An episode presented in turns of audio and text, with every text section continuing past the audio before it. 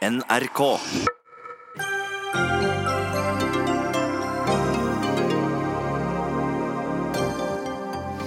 De matombringende sykkelbudene i matleveringstjenesten Foodora sier de ikke har fått en lønnsøkning på tre år. Nå krever de tariffavtale, men det har vi ikke råd til, svarer sjefen. Hans Olav Lahlum fortalte høyt at han frivillig betaler inn 100 000 kroner ekstra i skatt. Men hva skjer da? Jo, en stortingsrepresentant fra Høyre lanserer skatteskam. Partiledelsen i Miljøpartiet De Grønne er kunnskapsløse, de er Oslo-sentrerte og de er maktarrogante. Og den som sier det, er en politiker fra Miljøpartiet De Grønne som møter eget parti til debatt. Og selv om den omstridte finansmannen Jeffrey Epstein er død, ja, så skjelver både presidenter og prinser for ettermæle.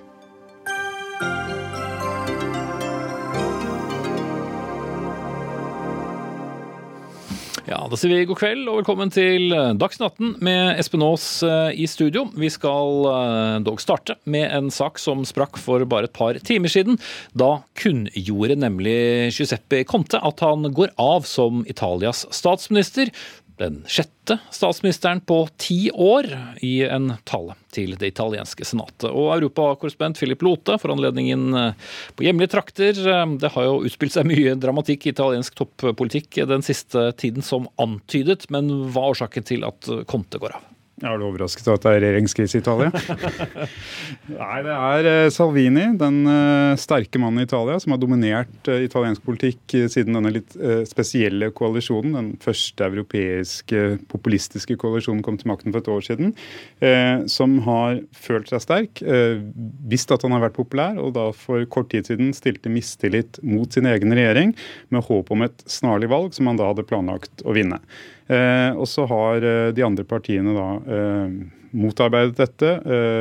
Snakket om andre konstellasjoner.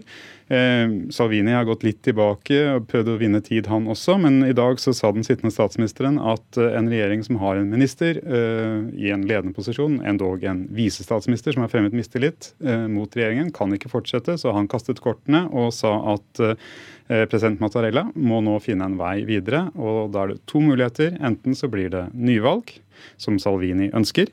Eller så forsøker man å finne en annen eh, regjeringsdyktig eh, plattform som har eh, støtte i det sittende sittende parlamentet. Mm. Snittiden på italienske statsministre den ligger vel kanskje på sånn rundt eh, halvannet eh, år eh, gjennom de siste tidene. Men hva er det Salvini da mener han har å vinne på at det kan bli et nyvalg? Salvini har jo vært tydelig. Han styrer på mange måter et ettmannsparti. Altså Lega, hans parti, er Salvini. Det er et likhetstegn mellom person og parti.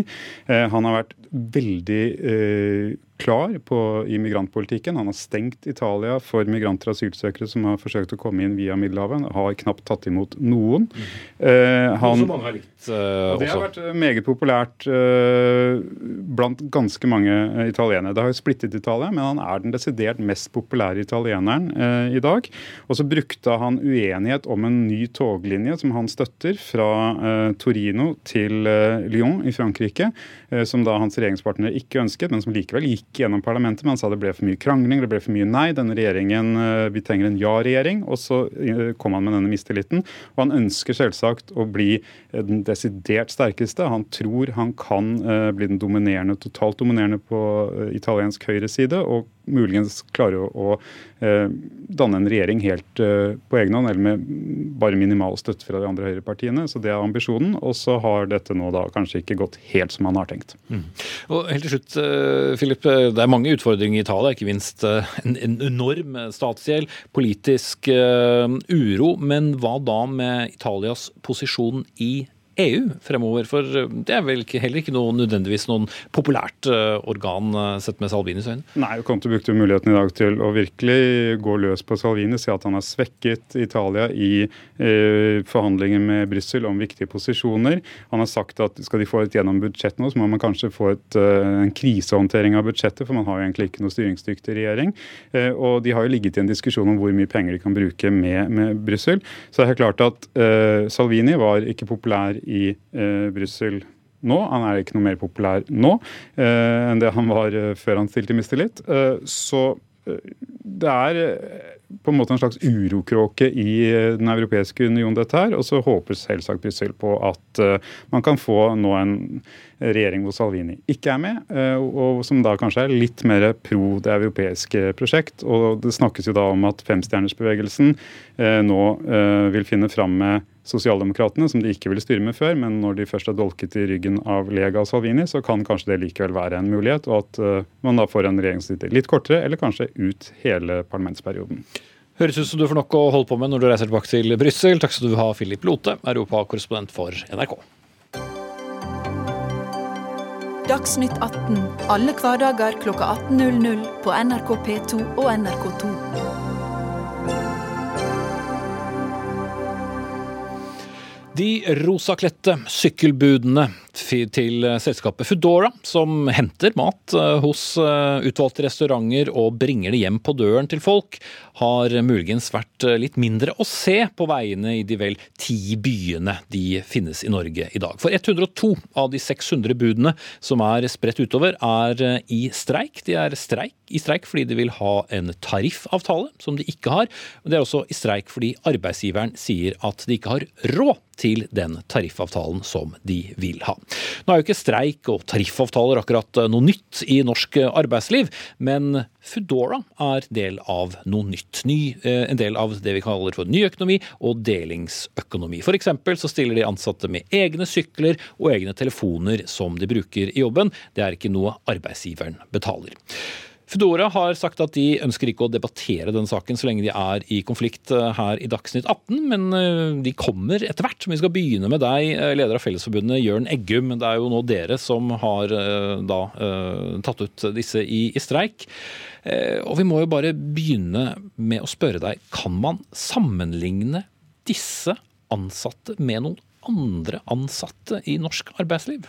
Dette er flotte medlemmer i Fellesforbundet med kjøtt og blod, som de andre medlemmene er, og vi kan absolutt sammenligne dette. At man kaller det en plattformøkonomi, en delingsøkonomi, det er jo bare måten man organiserer arbeidet på. De som utfører produksjonen og tjenesten, det er ansatte eh, på vanlig måte som andre ansatte. Og at i Norge så har vi hatt tradisjon for at det er tariffavtaledekning innenfor alle områder og også innenfor dette området. For dette er å frakte et produkt til et sted hvor de har kjøpt dette produktet. Derfor har vi eh, organisert folk i denne virksomheten. Det har vært stor oppslutning om at de skulle få et regulert arbeidsliv som alle andre. Derfor krever vi en tariffavtale. Så kan vi gå med på det at eh, det kan se ut som det er tarifftomt rom hvis du skal gjøre dette veldig mer spesielt enn det det trenger å være. Derfor har vi strakt ut en hånd til denne bedriften for at vi kan sitte oss ned og se på hva vil det være, i så fall være en riktig tariffavtale. Og så har jeg et behov for å si, i og med at ikke vi debatterer dette, at i går så kom det ut eh, en pressemelding fra selskapet som er full i feil. Vi har aldri krevd noe i nærheten av det som fremkommer i den pressemeldingen. Disse folkene som vi har som medlemmer, som jobber der, de har ikke hatt lønnsjustering på tre år.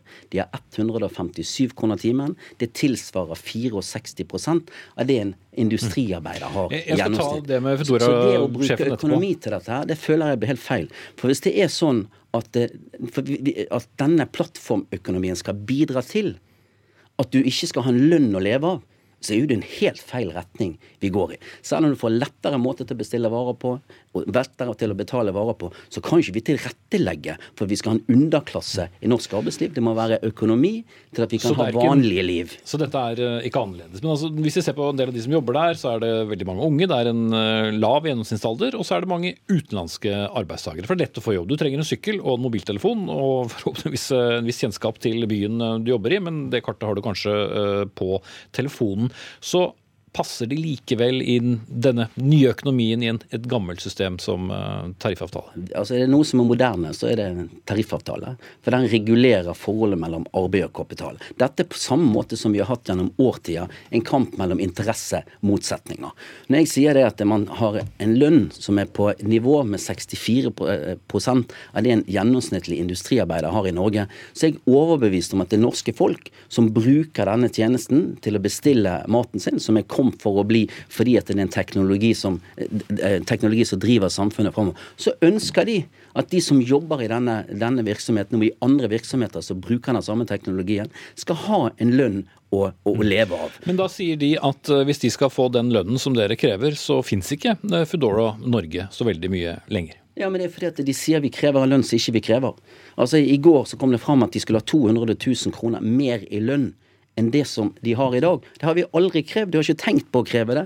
Det, det som var utgangspunktet når de satte seg ned lokalt i bedriften, det var et lønnsnivå som er på høyde og nivå med det som tariffoppgjøret bare i 2019 har gjort. At de som er lavtlønte, de som tjener under 90% av industrien, de hadde fått 2 kroner og 50 øre, og så hadde du fått 2 kroner i generelt tillegg. Så vi må, altså vi må snakke om epler og epler, ikke epler og pærer også. Men eh, hvor stor er organiseringsgraden innenfor et yrke som denne budtjenesten? Nei, altså eh, Det vi har eh, tatt ut eh, og meldt fratredelse på, det er 102 medlemmer. Mm. en sjettedel av arbeidsstokken? Det vet jeg ikke, det må du spørre bedriften om. For det er vanskelig å få tak på hvor mange det egentlig er. Men det vi ser gjennom denne dagen her, at det er jo den støtten vi får fra, fra ja, hele Europa. For dette er på mange måter nybrottsarbeid. Å Jo, jo, men av de ansatte, men det meldes inn, hvor... det meldes inn i hele dag. Vi mm. har, men, men er det en bransje med mange organiserte? Nei, det vi meldte fratredelse mm, Det er de som er organisert? Det er de vi har i Fodora, eh, mm. og det er de vi har meldt fra fratredelse Ok, Jørn Øggem, leder av Fellesforbundet. Takk skal du ha. Du må gå du nå, siden ikke du ønsket å debattere med ham. Karl Johan Tangberg, du er sjef for Foodora uh, Norge. Hvis du vil forklare kort hvorfor du syns det er best å ikke debattere med Fellesforbundet, så kan du si det kort. Nei, men Jeg har respekt for prosessen, egentlig. Så at, uh, Om man ser på uh, meklingen vi har hatt og dialogen vi har hatt, så har det vært en veldig god tone. Uh, og i respekt av den gode tonen og i en ønsken også, å fortsette den gode tonen, så syns jeg vi tar alle detaljer i, i, i forhandlingene mellom oss. Mm. sen så klart kommenterer jeg gjerne på, på det som har sagt sagt. Og, og ja, vi kan jo begynne med at han sier at dere opererer med helt uh, fullstendig andre og skyhøye tall enn, en det ja. som Fellesforbundet opererer med. Og du, du, sier rett og slett at dere kan ikke drive videre uh, Foodora Norge dersom dere skulle innfri dette kravet om tariffavtale. Først og fremst så vil jeg kommentere på, på eh, eh, våre tall. Så de, de tallene som vi har kommet frem til, er egentlig da Eh, det initiella förslaget som, som Fellesforbundet eller tra Norsk Transportarbeiderforbund kom fram til. Mm, eh, eller Norsk Transportarbeiderforbund finnes ikke lenger, men Fellesforbundet. Ja, ja Fellesforbundet. Eh, så det initielle förslaget de hadde, vi applicerade det förslaget på våre siffror, våre arbetstider och så vidare. Och då kom vi fram til en kostnad på 300, en snittlön på 319, altså en effektiv lön på 319 kronor. Så at den, den är korrekt. Den typen av, och den men det tallet de kommer med, er nesten halvparten, så dere er, jo, dere er jo ganske langt unna hverandre i historiefortellingen her. Da. De snakker om en lønn på 150 noe. Ja, men nu säger inte jag att den är det idag. Eh, snittlönen idag är på 174 kronor mm. och 185 med tips har vi betalat sociala avgifter på. Så att eh, om han säger att 157 kronor är eh, i idag så är det fel. Eh, och eh, det är 174, 185 i tips. Eh, men vad, vi säger är att det initiella förslaget som kom, kom fram till oss från Fellesforbundet, mm. det er en effektiv snittlønn på 319 mm. kroner. Men det er ikke der uh, dere strandet. Men la oss ikke forvirre alle seerne og lytterne våre med alle disse tallene. For jeg vil tilbake ja. til det som jeg snakket med Fellesforbundet om. Fordi at arbeidstakerne, eller syklistene faktisk, som du kaller dem i, i pressemeldingen deres, er det en vanlig yrkesgruppe som en hvilken som helst annen yrkesgruppe, som f.eks. frakter brev eller uh, pakker hjem til folk? Eh, muligvis. Eh, jeg er delvis enig i det. det at, at eh, det, det, er mennesker av kjøtt og blod, fantastiske mennesker, eh, som skal ha gode og ryddige vilkår. Eh, og det er noe som vi syns eh, vi gir. om man tittar på snittsyklisten så er de omtrent 25 år gamle, jobber 16 timer i uka og er hos oss under et år. Vil si at det her er en fleksibel ekstrainntekt. Og med det som grunn så føler vi at vi gir veldig bra vilkår og veldig mye bedre enn hva konkurrenter gjør. Mm. Men du sier samtidig at eh, dere kan ikke leve videre hvis uh, dere skal øke lønnen?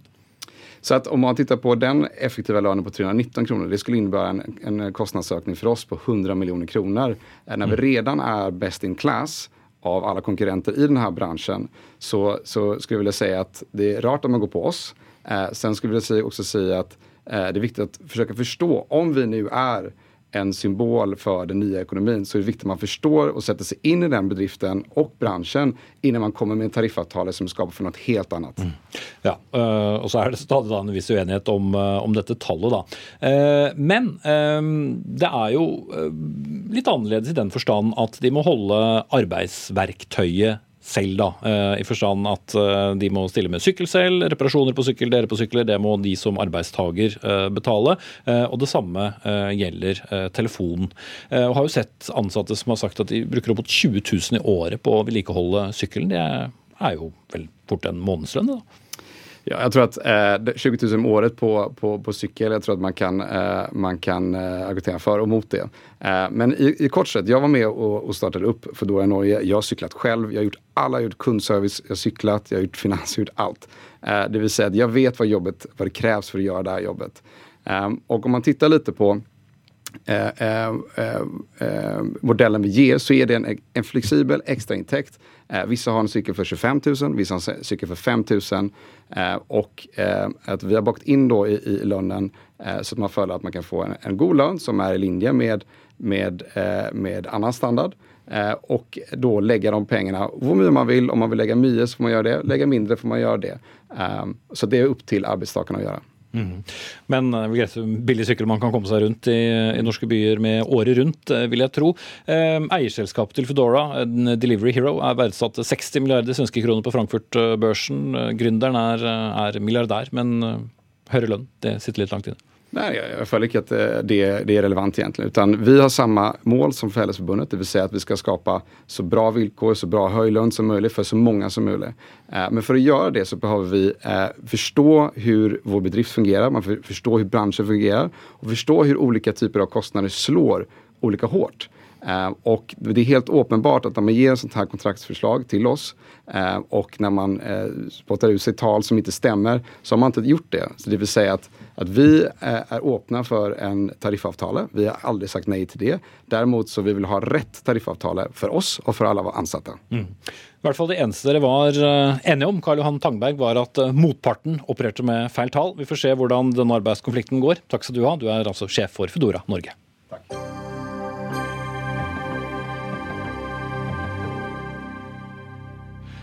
Reskatt eller penger igjen på skatten. De fleste har vel kjent på begge deler på et eller annet eh, tidspunkt. Men uh, har du hørt den om han som uh, betalte 100 000 ekstra kroner i skatt og fikk kjeft etterpå? Den historien kommer nå. Hans Olav Lahlum, du er forfatter, og så får vi også ta med at du er nestleder i SV på Gjøvik, der du bor.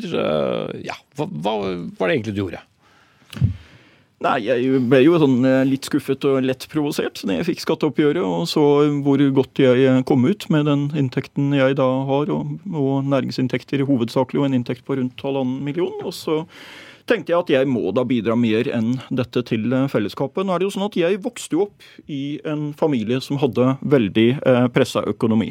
Jeg fikk muligheten til å ta utdannelse pga. de veldig gode fellesskapsordningene vi har eh, i Norge. Jeg var gjennom en ganske tøff periode også etter utdannelsen, hvor en veldig lang periode hadde eh, lav inntekt og nesten ikke betalte skatt, men likevel fikk full glede av veldig mange viktige fellesskapsgoder i Norge. Så skulle det bare mangle at ikke jeg skulle bidra når jeg jeg da har eh, kommet meg opp, vært så heldig å få den muligheten jeg har, og er privilegert og har høy inntekt. Og Jeg får kanskje sitere tidligere en statsminister Oskar Torp, som jeg skrev en bok om i sin tid, som da, meg, som da eh, hadde et sånn motto som var 'gjør litt mer enn din plikt'. Mm. Og det syns jeg er veldig naturlig at jeg og en del andre som er i den situasjonen jeg er i, gjør. Så da kastet du deg rundt, donerte 100 000 kroner til kemneren. Ja, da, eh, jo, jeg gjorde jo det. Jeg benyttet en ordning som regjeringen her skal få ros for at de har opprettet, som da åpner for at man kan få betale frivillig ekstra skatt hvis man vil. Så jeg mm. sendte nå en beskjed om det, da. Men hvorfor ikke til et veldedig formål, som kanskje hadde de har gjort ved noen tidligere anledninger, og det er det noen som har gitt innspill om at det burde. Jeg har fått veldig mange forslag til veldedige formål jeg gjerne kan gi til fremtidige anledninger, kan vi si. Jeg har gjort det tidligere, jeg kommer sikkert til å gi det igjen. Men jeg tenker veldig klart at skatt er et godt formål. fordi uansett hvem som sitter med regjeringsmakten, så går hoveddelen av skattepengene til veldig viktige fellesskapsoppgaver i samfunnet vårt, som det er viktig at vi slutter opp om. Mm. Og så kunngjorde du det hele på Facebook. Dette ble delt, det dukket opp i mange feeder. Og Heidi Nordby Lunde, stortingsrepresentant for Høyre, et parti som jo tidvis snakker et og annet om, om, skatt. Da grep du ditt eh, tastatur og skrev ord som skatteskam og pidestallsosialist. Hva, hva var det som eh, fyret deg opp? Nei, altså Hvis Lahlum har lyst til å betale 100 000 ekstra til eh, Høyre og Frp i regjering, så han, eh, skal ikke jeg være vanskelig på det, for å si det sånn. Og jeg vil jo at alle skal betale skatt, eh, og gjerne med glede. Men fellesskapet skal heller ikke ta inn mer enn det vi trenger for å løse det som er fellesskapets oppgaver. Og jeg syns jo denne regjeringen bruker nok penger som, som det er. Så jeg unner Lahlum som dyktig forfatter og foredragsholder både alt godt og en god inntekt. Men jeg syns han setter seg selv litt høyere enn en oss andre andre, og også andre i samme situasjon, som har en god, god inntekt, eh, og setter seg selv på en pidestall og litt moralsk overlegen enn alle andre. Når han da eh, kringkaster dette, og jeg ser jo også at det har fått 3000 likes og 250 delinger, som er bra. Så ble holdt for seg selv? Nei, altså han, eh, men han roses med at han setter fellesskapet foran seg selv, og flere burde være som han. Og jeg er sikker på at det ikke nødvendigvis er vrangvilje av andre med en ålreit inntekt at de ikke gir mer til fellesskapet. Det kan godt hende at de har gjort det over lang, lang tid. Som f.eks. en gründer som da ikke har tatt ut inntekt av sitt eget selskap over, eh, over, lang tid, og som endelig kommer opp på dette nivået. Eller at man har organisert sin familie sånn at man bruker disse pengene på sitt nærmeste fellesskap. Mm. Eh, men som Lahlum nevnte, dette var en ordning som, som din regjering eh, satte i gang. At man ja. kunne betale inn mer. Så poenget må vel være at folk skulle bruke den, da? eller? Ja, men vet du hva, jeg syns egentlig det er litt barnslig av min egen regjering. Og, og, og legge, legge, ja, altså at man, man, skal åpne opp for å kunne betale mer skatt for de som, eh, alle de som sier at jeg skulle gjerne betalt mer skatt. Hele poenget er jo at vi skal ha et rettferdig og fordelende skattesystem eh, som finansierer offentlige oppgaver, mm. ikke at det, det er enkelt enkeltpersoner som skal etter innfallsmetoden finansiere opp våre felles velferdsgoder. Mm. Det mangler jo ikke på de som synes at de bør få mer penger fra stat og kommune, for all del. Men eh, hvis vi titter opp til deg på, på pidestallen din, eh, Lahlum, håper du holder deg eh, fast der. Hvorfor var det også et poeng å offentliggjøre det? Jeg er litt overrasket over at det har vært så mye eh, oppmerksomhet rundt eh, hele saken, for så vidt. Men også den siden av det. Det er vel ikke akkurat et ukjent fenomen at folk gir gaver til ulike gode veldedige formål, og så hiver man på en oppfordring om at kanskje flere skal bidra. I dette tilfellet så var det en ganske avgrenset oppfordring. Den var til folk som har sjusifra inntekt og har kommet godt ut eh, på skatten og derfor sitter romslig i det økonomisk. Så det er vel ikke en gruppe hvor jeg tror det blir så veldig store negative konsekvenser om noen flere bidrar litt mer. men jeg er veldig klar klar over at det kan være mange ulike situasjoner der. og det er klart Nå er jo jeg i den situasjonen at jeg eier min egen bolig, jeg har god helse, jeg bor alene, jeg betaler ikke barnebidrag siden jeg ikke har barn, jeg betaler ikke engang bompenger siden jeg ikke kjører bil. Så det er klart at det er jo sånne faktorer som skattesystemet på sett og vis ikke fanger inn, men som jo da gjør at jeg kommer veldig godt ut sammenlignet med en del andre. Helt rimelig at jeg da eh, bidrar eh, litt mer. Så kan jeg tilføye at for to år siden, da jeg var kandidat ved stortingsvalget, så gikk jeg ut og sa eh, generelt at vi som har mm, syvsifrede inntekter som meg, vi burde betale mer skatt skatt. Og de som har lavere inntekter og middelsinntekter, de burde slippe å betale så mye skatt og heller få betale litt mindre. Og da ble jeg eh, så å si offentlig angrepet av ganske mange personer fra høyresiden som sa at hvis du syns det, så kan du bare betale frivillig tilleggsskatt. da. Mm, så jeg har altså fått tallrike offentlige oppfordringer om å gjøre det. Og når jeg da gjør det og offentliggjør at jeg har gjort det, så kommer de klagene så blir det sånn ja, men burde du ikke heller gitt et privat formål da? Og så videre. Så eh, jeg skal understreke at du var ikke en av de som kom med den oppfordringen, men det har altså vært ganske mange av de. Og man har også sett i mediedebatten at dette faktisk har vært brukt mot navngitte personer på venstresiden som har oppfordra til uh, høyere skattenivå. Burde ikke du da betale mer? Og Jeg syns jo det er en veldig usaklig form for argumentasjon. Det er jo sånn at okay, vi, uh, Jeg bare går til uh, Lunde. Men altså, det er, kanskje, er det mer SV-eren enn en forfatteren som, som, snakker her, kanskje? Men det, er, det ligger vel også en kritikk her, kanskje, av skattesystemet? Ja, altså som SV-er så mener jo selvfølgelig Lahlum at eh, flere burde eh, betale mer skatt. Og veldig mange av hans følgere vil jo også mene at de som ikke gjør det, burde skamme seg, fordi at alle skal bidra til, eh, til vår felles velferd. Men på det siste er vi jo helt enige. Alle skal betale, alle skal bidra. Og om ikke annet så har du jo i hvert fall synliggjort at de som tjener mye, også betaler mye skatt i Norge. 1,5 av 1,5 millioner så betaler du 600 000 i skatt, som jo er mer enn det svært mange tjener. Og det er jo sånn fortsatt under en Høyre- og Frp-regjering regjering, nå også med Venstre og KrF, så betaler de 10% rikeste i Norge 40% av all personinntekt. Så de med de bredeste skuldrene skal bære den tyngste børa uansett. Men for å beholde legitimiteten i skattesystemet, så må det også være en balanse mellom hva du faktisk bidrar inn, og hva du også føler at du får uh, ut. Og nordmenn har generelt uh, god skattevilje. Det er veldig bra. Det vi, må vi jobbe for mm. å opprettholde. Mm. Og slutte med sånne ordninger at man kan betale mer skatt? Nei, men altså, vi, vi må jo sørge for at vi har en veldrevet offentlig sektor, at du har gode velferdsoppgaver. Men mange sier jo at de gjerne vil betale mer skatt dersom dette går til offentlig velferd. Men de finansierer også budsjettsprekker, IT-prosjekter som aldri blir noe av stortingspolitikeres reiseregninger. Og det er klart at det må være en balanse her. Så vi må både se på statens utgifter, at vi sørger for at vi bruker de ressursene vi får fra folk på en best mulig måte, og sørge for at du har et uh, normalt skattenivå som gjør at de aller fleste også er velvillige til å bidra. Det er viktig. Vi skal snart uh, runde av uh, Lahlum, men har du påført folk skatteskam? Jeg håper jeg da virkelig ikke, og jeg har ikke brukt eh, det begrepet i det hele tatt heller. Men det er mange balanser som er viktige her.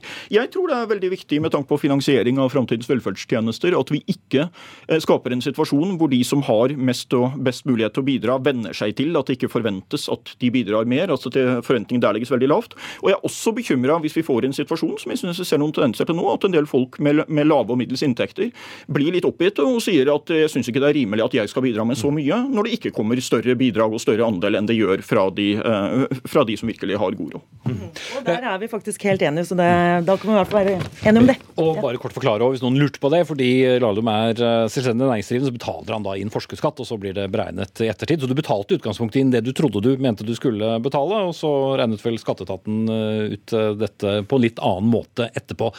Hvis du lurer på om det er mange som har fulgt eksempelet til Lahlum, så er ikke det svaret at det er så veldig mange. Vi kontaktet skatteetaten i dag, og de opplyser at det står 154 043 kroner på kontoen for frivillig innbetalt skatt. Så jeg vet ikke om dine penger har rukket å komme inn ennå? De kom i ettermiddag eller noe sånt, men vi får jo da håpe at det kanskje skal bli litt mer etter det. Så skal jeg understreke at det er helt fint å bidra til fellesskap og vise solidaritet på mange ulike måter. Man kan også gjøre det gjennom eh, gaver f.eks. til ulike frivillige organisasjoner. Men det er i hvert fall viktig at vi som har mulighet til det, bidrar der. Mm. Hvis du går forsiktig ned fra pidestallen din og tar med Heidi Nordby Lunde fra Høyre, altså Olav Lahlum, forfatter og nestleder i Gjøvik SV, så skal vi gå over til neste sak.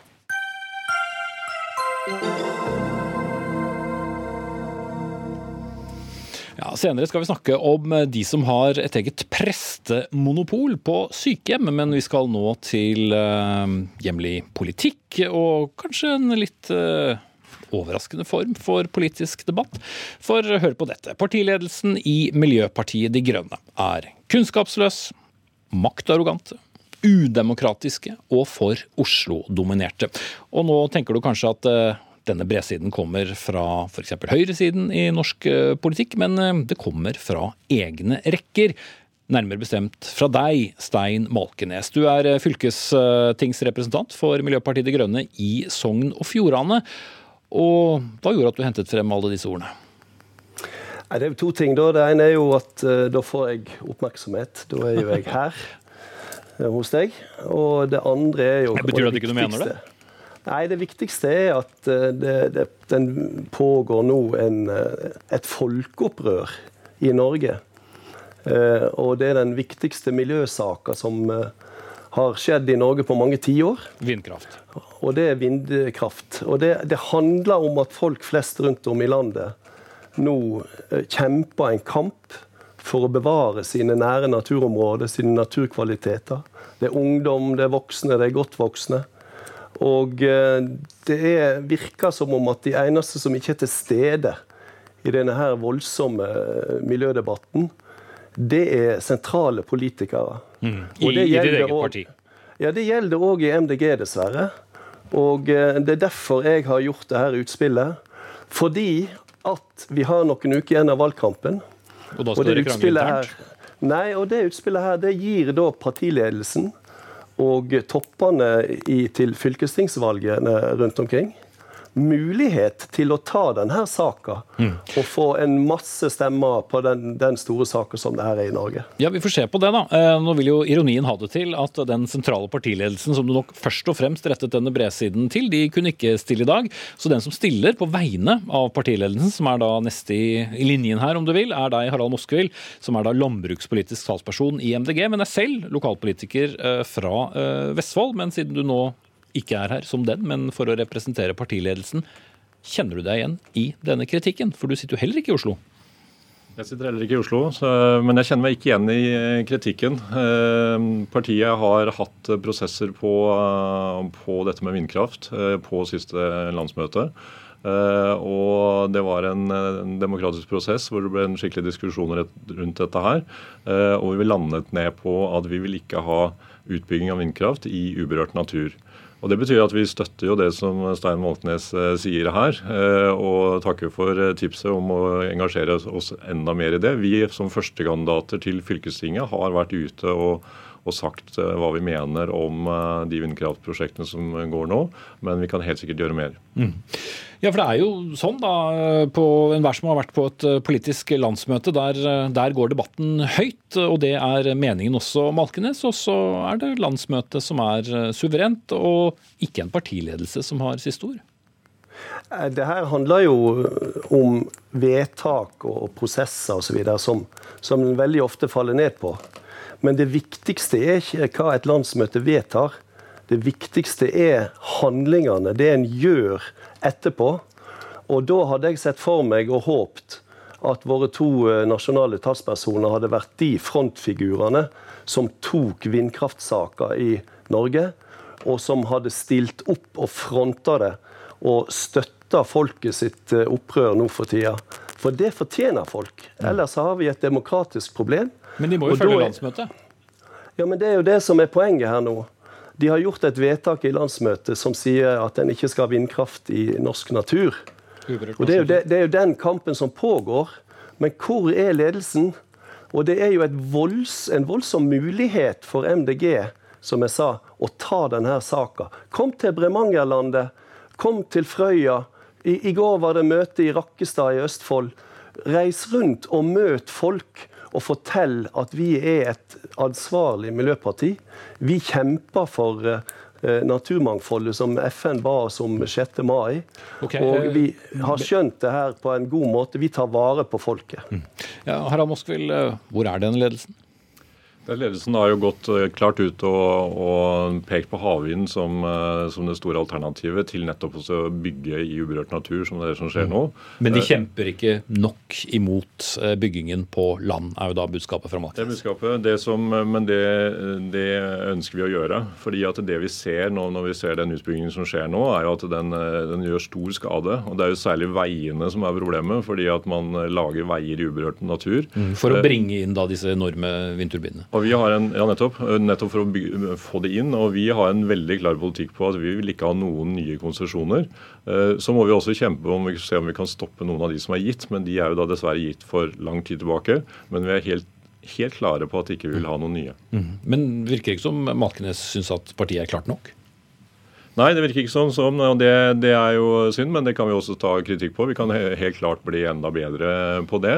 Eh, og, så vi tar gjerne den. eh, fordi eh, det å Vi har en naturkrise i tillegg til en klimakrise. eh, og det er jo nettopp den vi snakker om her, og det er den som er så verdifull. Mm. Ja. Malkenes, følte du det var øh, å komme deg litt i møte, eller vil du nå se øh, ledelsen i, i partiet ute nærmest som aksjonister? Ja, det vil jeg veldig gjerne.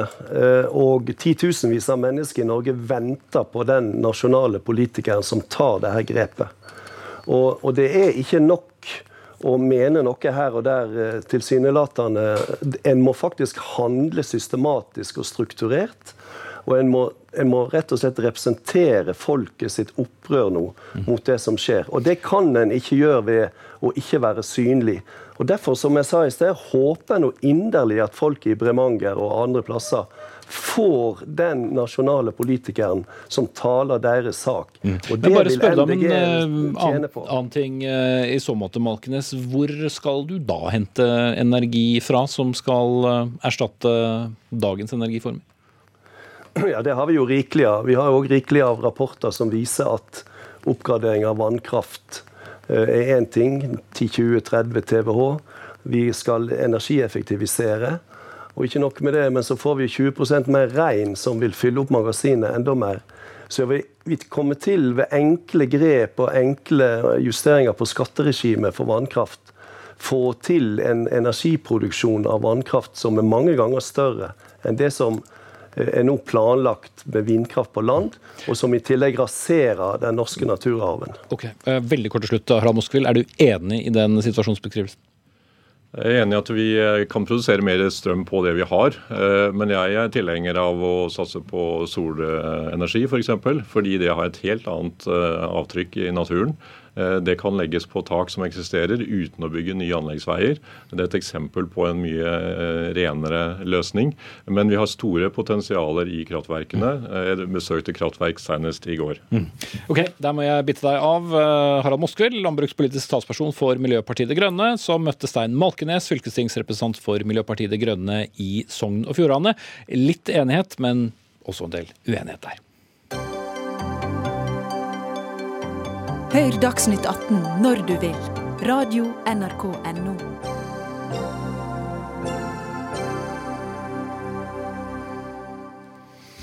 Mange sykehus rundt om i landet de tilbyr i dag samtaler med prest, eller så har de kanskje til og med en 24 timers prestevakt.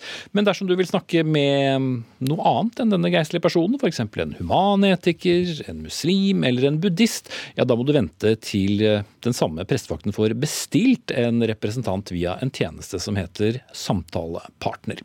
Sykehusprester de skal bistå med samtale og veiledning i ulike menneskelige, åndelige og eksistensielle spørsmål, som det heter. Og dette er et livssynsmonopol som må bort, skriver du i Bergens Tidende, nestleder i Human-Etisk Forbund, Christian Lomsdalen. Hvorfor er dette så viktig? Dette er viktig av samme grunn som det er viktig, eller hvorfor vi har denne samtaletjenesten hos sykehusene i utgangspunktet. Og det er jo fordi at eh, sykehusene skal ikke, de som er innlagt på sykehusene, ikke har noen mulighet til å dra til sin gudstjeneste eller til sin fredagsbønn eller lignende. Da må denne tjenesten komme til dem for å dekke deres religiøse og åndelige behov. Og med tanke på hvordan livssynsmangfoldet i Norge har endret seg de siste 50-100 årene, så er ikke denne tjenesten slik den er i dag, fremdeles tilpasset sånn som livssynsmangfoldet er. Men vil du da ha nærmest eh, at alle religioner skal ha en eller annen sånn slags vakttjeneste og skal ile til eh, nærmeste sykehjem ved behov? Hvordan man skal legge opp dette, vil jo variere veldig. Eh, og så lenge man velger å ha en prestetjeneste sånn som man har i sykehusene og sykehjemmene i dag, så må man da inkludere andre tros- og livssynssamfunn inn i en sånn tjeneste. Så er det ikke sikkert at denne tjenesten skal bevares akkurat sånn som i dag. Men så lenge man velger å ha ansatte prester på sykehjem og sykehus, så er det en klar favorisering av Den norske kirke som er problematisk med det livssynsmangfoldet som vi har. Nina Simmer, du er administrasjonsleder for pressetjenesten i hovedstaden og tar imot da henvendelser til denne, denne samtalepartnertjenesten som jeg nevnte uh, tidligere. Uh, altså Utbredelsen av dette, altså hvor, hvor er det disse tjenestene tilbys, bare for å få de faktaene først? Ja, altså Pressetjenesten har jo OS, som er på Ullevål, Radium, Riksen, Gaustad og Aker. Eh, Ja, nå snakker du om Oslo, men altså denne tjenesten, hvis vi snakker om, om hele landet, er det en tjeneste som tilbys kun på, på sykehjem? Er det også på sykehus? Ja, vi har sykehjem, ja. Oslo kommune, sykehjemsetaten. Vi har Sunnaas, vi har Lovisenberg, Ahus. Og, så vi har flere aktører og flere eh, sykehus rundt omkring.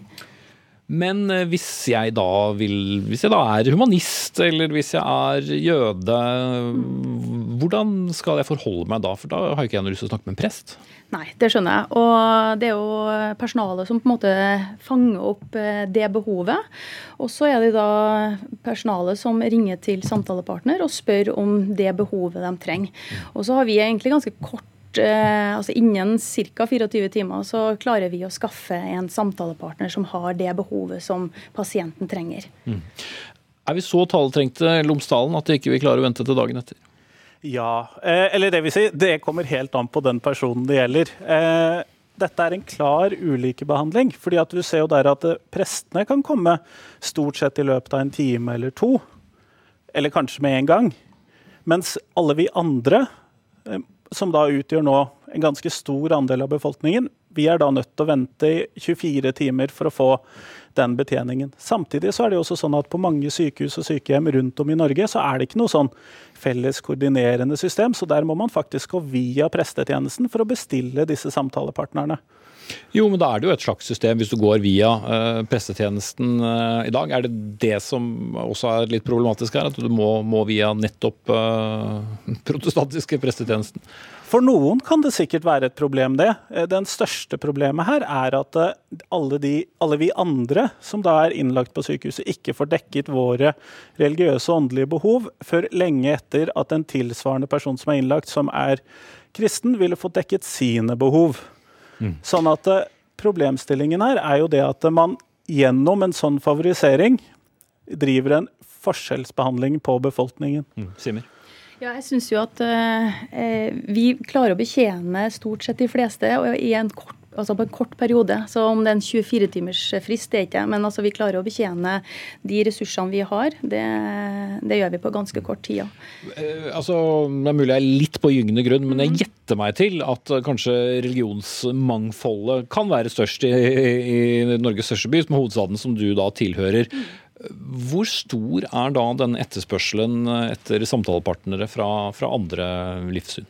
Jeg kan jo si, sånn som Pressetjenesten har mellom 4000 til 5000 samtaler i løpet av et år, fordelt på hele OS. Samtalepartner har ca. 80 samtaler eh, i løpet av et år. Mm. Altså, er, samtidig så er ikke det sammenlignbart. fordi at uh, St. Olav, som har testet ut dette med å ha en fast ans eller en midlertidig ansatt også, ja. Ja, i Trondheim, der hadde uh, den uh, samtalepartneren hadde over 200 samtaler i løpet av det ene året der. Sånn at eh, når man da ser på forskjellen mellom hvor ofte det brukes når man har en sånn frivillig tilkallingstjeneste, og hvor ofte det brukes når man har en fast ansatt samtalepartner, så er det åpenbart at dette ikke er det samme. Og det sier også ledelsen for prestetjenesten ved St. Olav. sånn at det, det blir ikke det samme å sammenligne dette, og man kan ikke ta tallene sånn direkte mm. overført. Ok, men, men, det betyr jo da at noen må jo i så fall betale for at uh, humanister uh, eller uh, representanter da for jødommen, islam, katolisismen, hva vet jeg, trenger å, å, være tilgjengelig for veldig mange. Det, det må jo settes inn i et eller annet system som noen må betale for. Ja, det betaler man for i dag også, gjennom å betale for prestetjenesten. sånn at det er ikke noen forskjell der. Mm. Siver? Ja, jeg, jeg syns jo at vi, eh, altså prestetjenesten, vi har et veldig åpent syn. Så jeg tenker at eh, vi prøver å betjene stort sett i alle, alle som har på tro og livssyn, alle som har en åndelig og eksistensielt behov. Så, så jeg tenker at eh, vi betjener såpass mange ulike Også de som ikke tror, eller bekjenner seg ja, til en annen som, gud? Ja, og så vil du på en måte ha katolsk eller muslim og sånne ting, så blir det jo helt spesifikk. Men også det er jo 15, vi har 15 15 frivillige samtalepartnere som vi bruker på ulike eh, tro og livssyn. Så jeg syns vi har et veldig godt tilbud til det. Og jeg syns det er veldig fint at prestetjenesten og samtalepartner kan jobbe så godt sammen eh, for å få en, en, helhet på hele tro og livssyn. At ikke mm. vi har noe spesifikk eh, ja. Den, den begeistringen din, Nina Simmer, administrasjonsleder for pressetjenesten, deles altså ikke foreløpig av Kristian Lomsdalen, som er nestleder i Human-Etisk Forbund. Vi har iallfall tatt debatten. Takk skal dere ha.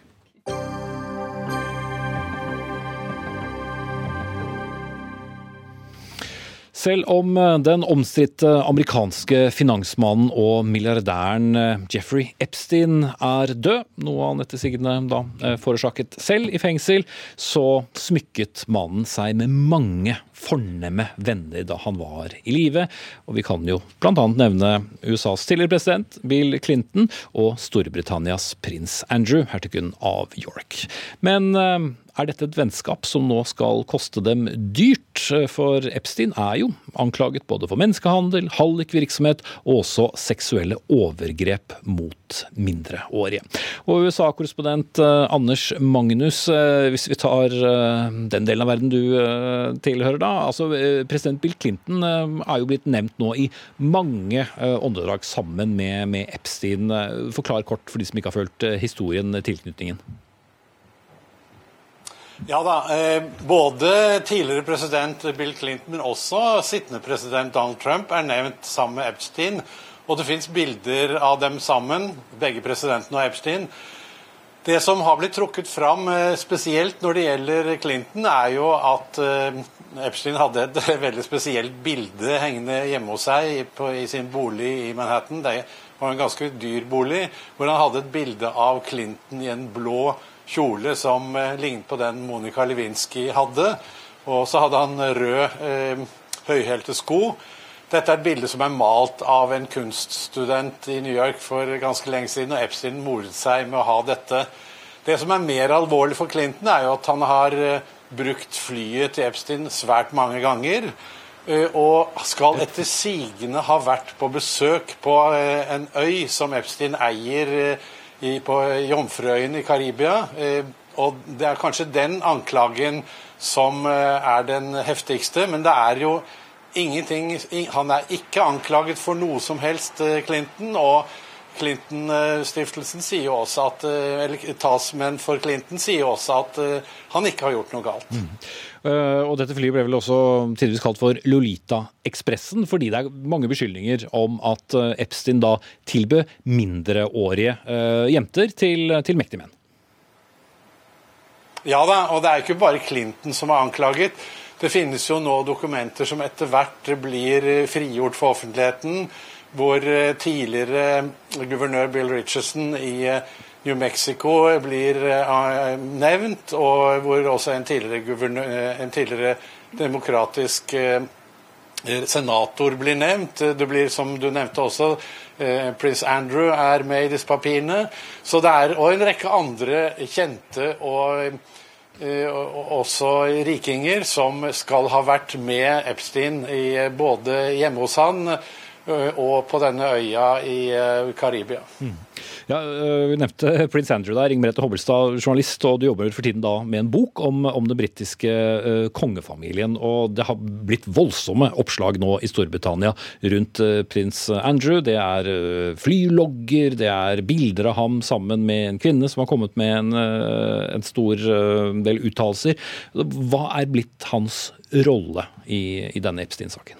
Nei, altså Prins Andrew er eh, implementert ganske alvorlig i dette. Altså, det har jo kommet frem at i rettspapirene at det er eh, folk som forklarer at han har vært til stede på disse festene der det har vært eh, mange av disse jentene som har vært eh, mindreårige ikke sant, under seksuell lavalder, og har, som nesten har blitt budt frem da, rett og slett av Epsteins gjestene. og at han har ja, rett og slett vært en del av det trafficking-pyramiden uh, trafficking det, det, nesten eh, er snakk om at det er, er her. Og det er jo en av disse jentene som sier at hun ble presset av Epstein til å ha sex med ham. Det er noe Buckingham Palace kategorisk har benektet. Mm. Men det er spesielt i seg selv at ja. Buckingham Palace kommenterer sånne mm. rykter, for det gjør de så godt som aldri. det gjør de så godt som aldri, og de gjør det så godt som aldri. Altså så, altså de er veldig harde i klippet her. da. De sier at, i praksis at dette skjedde ikke. Eh, og prins Andrew selv har sagt at han har ikke vært på noen slike fester. Men det, det fins jo et bilde av ham med uh, armen rundt livet en, med en av disse jentene. Et, som var 17? Som var 17 år gammel. Og dette er jo selvfølgelig noe som er veldig belastende og, og vanskelig å løpe fra. Mm. Prins Andrew, som da var gift med helgerinnen av York, Fergie, som hun het på, på folkemunne, men det har også kommet opplysninger om at han inviterte da Epstein bl.a. til Balmoral-slottet i, i Skottland. Så hvor mye vet vi om forbindelsen mellom de to? Du, Vennskapet eh, her går egentlig tilbake til 90-tallet og, og, tiden da Andrew var gift og etter hvert ble skilt fra Sarah Ferguson. Og de var nok venner før det, men vennskapet ble eh, hva skal jeg si, de ble mer knyttet til hverandre etter den skilsmissen. Og det hadde med å gjøre at Sarah Ferguson kom veldig dårlig ut av den skilsmissen. Det var en veldig bråkete skilsmisse. Det var mye skandaler og utroskap og avisoppslag av finansrådgiveren som suttet på tærne hennes, og det var, det var liksom mye bråk, da. Så hun kom ikke ut av dette med veldig mye penger. Eh, men hun kom fremdeles ut av det var hertuginne, mor til to prinsesser og hadde et behov for å ha et visst forbruk, en viss stand, levestandard.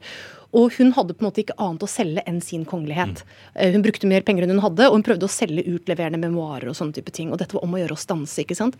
Eh, så, så Jeffrey Epstein har rett og slett blitt, vært brukt til å betale ned Sarah Fergusons gjeld. Ganske store deler av det. Og det er jo folk som sier at litt av grunnen til at Andrew var så bundet til Jeffrey Epstein, var at han rett og slett var av, avhengig av ham for at ikke ekskonas økonomi skulle gå helt over styr, da, at hun skulle gjøre mer offentlige ting som ville skade kongefamiliens omdømme. Mm. Som nevnt, denne saken er jo overalt i, britisk presse. Hvor stor eh, skade gjør den? Eh, det er litt vanskelig å si, men det, det, skader jo i hvert fall noe av det som har vært viktig for prins Andrew i de senere år. For nå er vi jo ikke kanskje så mange år fra den situasjonen at broren hans, eh, prins Charles, skal bli konge i England. Og Charles har vært veldig opptatt av å eh, hva skal jeg si, gjøre monarkiet mer strømlinjeformet. Eh, de, det er en ganske stor familie. Han har vært opptatt av at det skal ikke være så mange av dem som understøttes økonomisk, for de må rettferdiggjøre utgiftene eh, de har. Prins Andrew på sin side har lobbyert veldig for at han og døtrene, altså prinsesse Beatrice og Eugenie, skal være regnet som en indre, altså kongefamiliens indre. At de skal ha politibeskyttelse, at de skal være med ut på slottsbalkongen. Eh, og har vært argumentert veldig ivrig for det, men dette svekker jo selvfølgelig eh, hans sak i dette. Mm. Kort til slutt, eh, Anders Magnus i Washington. Direktøren for det føderale fengselsvesenet i USA ble i går byttet ut som følge av Epsteins dødsfall. Hva slags konsekvenser for dette? Eh, det får nok ikke så veldig mye konsekvenser før eh, fengselsvesenet får litt mer penger. Det er jo også eh, andre ansatte ved fengselet som har blitt sparket eller blitt suspendert. Det, der vi kan se at konsekvensene kan komme, er jo hos Epsteins nære venninne Ghislaine Maxwell, som jo er datter av en avdød britisk avismagnat, som var etter disse papirene som nå dukker fram, en av de som tilrettela for å skaffe disse, under, eh, altså disse jentene som var under 18 år, til Epstein. Så hvis man klarer å bevise det, så er det nok hun som eh, blir det neste som skal anklages eh, i denne saken. Mm. Takk til Anders Magnus, USA-korrespondent for NRK, og Inger Merete Hobbelstad, journalist og forfatter.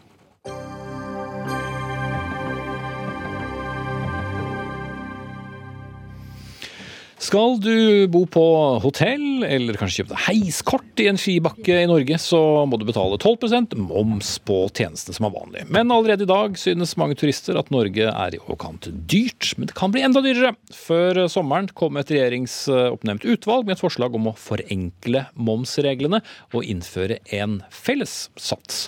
Og for reiselivsnæringen så vil dette i så fall innebære en momsøkning til 23% Og Ivar Hornland Christensen, du er administrerende direktør i Virke, som da eh, organiserer eh, veldig mange små og store bedrifter innenfor handels- og servicenæringen. En kort eh, karakteristikk av forslaget? Nei, Vi er jo redd for at utvalget har gjort regjeringen en stor tjeneste og reiselivet en bjørnetjeneste. Så vår klare melding er at dette skrivebordsforslaget bør ned igjen i skrivebordet. Mm. Hva betyr det rent konkret for dere? Nei, for å, nå var jo finansministeren, Når utvalget la frem innstillingen sin, så var finansministeren klar på at det iallfall ikke ble én sats. Det vi frykter, er jo at uh, dette har åpna en mulighet for regjeringen til å da endre på satser. Uh, for da er det fire satser som kan være Det, det er teorien fem, men ja. det er fire, for det er to nullsatser. Uh, ja. Men, men det, er, det, er, helt riktig. Som man må forholde seg til, og som mange syns kan være i overkant komplisert når man driver en liten bedrift? Eh, på en måte, men på en annen side, hvis du tar reiselivet, så er jo poenget her at hvis du skulle gått på forslaget og komme opp til 23% så dobler du altså eh, da momsen. Og eh, det viser jo f.eks. at for reiselivet så vil med små marginer så vil dette ramme hardt. Og et eksempel Atlanterhavsparken, de, når de økte sist, da, for de har allerede gått opp fra 8 til 12 Når de økte sist med 2% så tok det altså gikk besøkstallene ned med 6-7 og det tok eh, da to til tre år før de var tilbake igjen på det tallet. Så dette har konsekvenser. Mm. Vibeke Hammer Madsen, du har da ledet dette utvalget, og pikant nok så jo, hadde du jobben til din eh, sidemann tidligere. Men du foreslår altså å innføre denne felles momssats. Du vet jo fra din gamle jobb at ingen vil jo ha økt moms, eller? Nei, altså ingen, ingen, vil ha økte avgifter, ei eller økte skatter. Alle vil at skatter og avgifter skal gå ned. Eh, nå er det slik at eh, vi fikk et mandat. Et mandat som eh, sa noe om Kom og se på hvordan vi kan forenkle. Eh, færre satser. Er det riktig å bruke moms til f.eks. For fordelingsdiskusjonen, altså målrettet frukt og grønt Eh, altså hvordan kan vi bruke det? Og eh, vi skulle levere enten proveny eller, og som var ønsket, økte inntekter til staten. Mm. Og da var det jo å sette seg ned. Hvordan er det vi ser på dette? Og noe av det første utvalget eh, var opptatt av å se på også her, det var jo naturligvis hensynet til er det lurt å bruke moms? F.eks. å redusere moms på frukt og grønt. Eh, er det smart? Mm, og svaret vårt på det er jo at ikke bruk momsen i den sammenheng. Mm. Og så var jo spørsmålet hvordan kan vi forenkle? Og da stilte vi spørsmålet, og vi fikk hjelp av Regnskap Norge, til å se på merarbeidet og mertiden og problematikken rundt det for enkelte sektorer å ha så mange mm. ulike men, satser. Men har da medlemsbedriftene i, i Virke noe å tjene på dette, er det det du mener? Eller? Ja, altså, dette er jo ikke bare medlemsbedrifter i Virke, dette er jo, er jo ja, da, mange. Men, men særlig reiselivsnæringen har det er, jeg, altså, det er mange bedrifter som, som, naturligvis er berørt av dette. Og jeg skal være ærlig på det at eh, både innenfor reiseliv og innenfor kultursektoren så eh, satt dette langt inne eh, også hos meg, fordi jeg kjenner bransjen veldig godt. Mm, men du står men, det. Men det vi ser, det er jo at her er det jo ikke snakk om å øke satsen si, til 23 eller 25, som mindretallet i utvalget sier, eh, uten at det skal skje noe mer. Vi har jo sagt at her må det ligge kompensasjonsordninger. Her må vi se hvordan det Og mange av de som driver i dag hoteller, de har vært opptatt av å få redusert formuesskatten. Mm. Og det er klart at med 30 milliarder så kan vi både redusere formuesskatt, og vi kan gjøre noe med inntektsbeskatningen, og vi ytterligere kan se på selskapsbeskatningen. Så det er jo denne bytte støtteordningen vi må, vi må okay. se på. Men uh, Christensen, er det det du ønsker, da? Nei, for hvis du ser I dag så er det en rapport fra Menon som viser at lønnsomheten f.eks. i reiselivet stuper. Og i fjor så satt overnattingsbedriften igjen med 0,7% av omsetningen til å dekke renter og skatt. Det viser bare at det er tøffe tak der ute. Og en dobling av momsen for de ville blitt eh, dramatisk. Og For å ta en ting når det går på de kompenserende tiltakene, så er det eh, egentlig dårlig utreda i rapporten. Og eh, jeg vil jo si det at vi er jo redd for at dette blir økt byråkrati. Så hvis forenkling skulle være poenget Dette er en rapport som egentlig viser en økning, eller mulighet for økning i proveny. Men hvis det skulle vært forenkling Forklar hva proveny er. For det, det betyr at inntektene til staten går opp. Mm, hvis du hadde heva satsene helt opp da til 25 eller 23, så får eh, regjeringen kanskje 30 milliarder mer i inntekter. Mm. Bra. men, men, jeg skjønner ikke helt når du sier at, eh, at dette vil øke byråkrati. fordi at eh, om vi ender med én sats, to satser altså Det vi er ute etter, er jo å vise f.eks. For, for mange reiselivsbedrifter eh, at det å slite med fire ulike satser som gjør at enkelte mindre virksomheter Det tar måneder før de får fakturert ut, for de er avhengig av underleverandøren sin som å finne ut hvilken sats var det de egentlig brukte for hundekjøringen eller for uh, sin. Så du mener noen vil faktisk tjene på det? Dette vil, og si, særlig mindre reiselivsbedrifter vil jo tjene på det, fordi de trenger ikke da å bruke eh, dyre advokater, eh, sette ut eh, regnskapene for å finne ut av hvordan de skal gjøre det, og sitte lenge og vente på hva de faktisk skal fakturere. Jeg vil si det at uh, Dette tåler ikke reiselivet. Uh, så at dette setter arbeidsplasser i fare hvis man uh, da dobler momsen. Og selv, næringen selv skriver jo i ideen i dag at dette går ikke på forenkling, det går på proveny så næringen selv leter òg etter hva som da eventuelt måtte være forenklingen her. Og Reiselivet er en del av opplevelse- og tjenestenæringen, og det er det vi skal leve av fremover. Så vi trenger ikke dette. Putt i skuffen. Det er vårt budskap til er regjeringen. et av de viktigste budskapene til politikerne med utvalget. Det er jo akkurat hva som er skrevet om i DN i dag. Mhm, Dagens i. Næringsliv. Eh, Nemlig det å kunne bidra til en forenkling som gjør at reiselivsbedriftene eh, raskere kan få fakturert og øke sin verdiskaping. Og flere av disse mindre sier til meg at de har problemer med automatiseringen, digitaliseringen, fordi det er for mye skjønn i hvilken sats de skal bruke. Så det er jo akkurat forenklingen. Og her syns jo jeg at vi må jo ikke bare si nei, nei, jeg forventet det. Ja, jeg må Men- bryte deg av der. eh, Du kan svare veldig kort, Christens, for nå er tiden vår ute om 40 sekunder. Jeg sier det veldig eh, sitert fra artikkelen. Det virker nesten som om utvalget gikk for den enkle løsningen og så seg blind på merinntekter til staten, nesten 30 milliarder kroner. Og tenk at dere har hatt uh, samme jobb. Vibeke Hammer Madsen, utvalgsleder, og Ivar Hornland Christensen, dagens administrerende direktør i Virke. Eh, sendingen er eh, over. Dag Dørum hadde det tekniske Nei, ikke han hadde ansvar for sendingen. Eli Kyrkjebø var det som tok seg av teknikken. Jeg heter Espen Aas, og kollega Sverre Tom Radøy er tilbake med ny sending i morgen.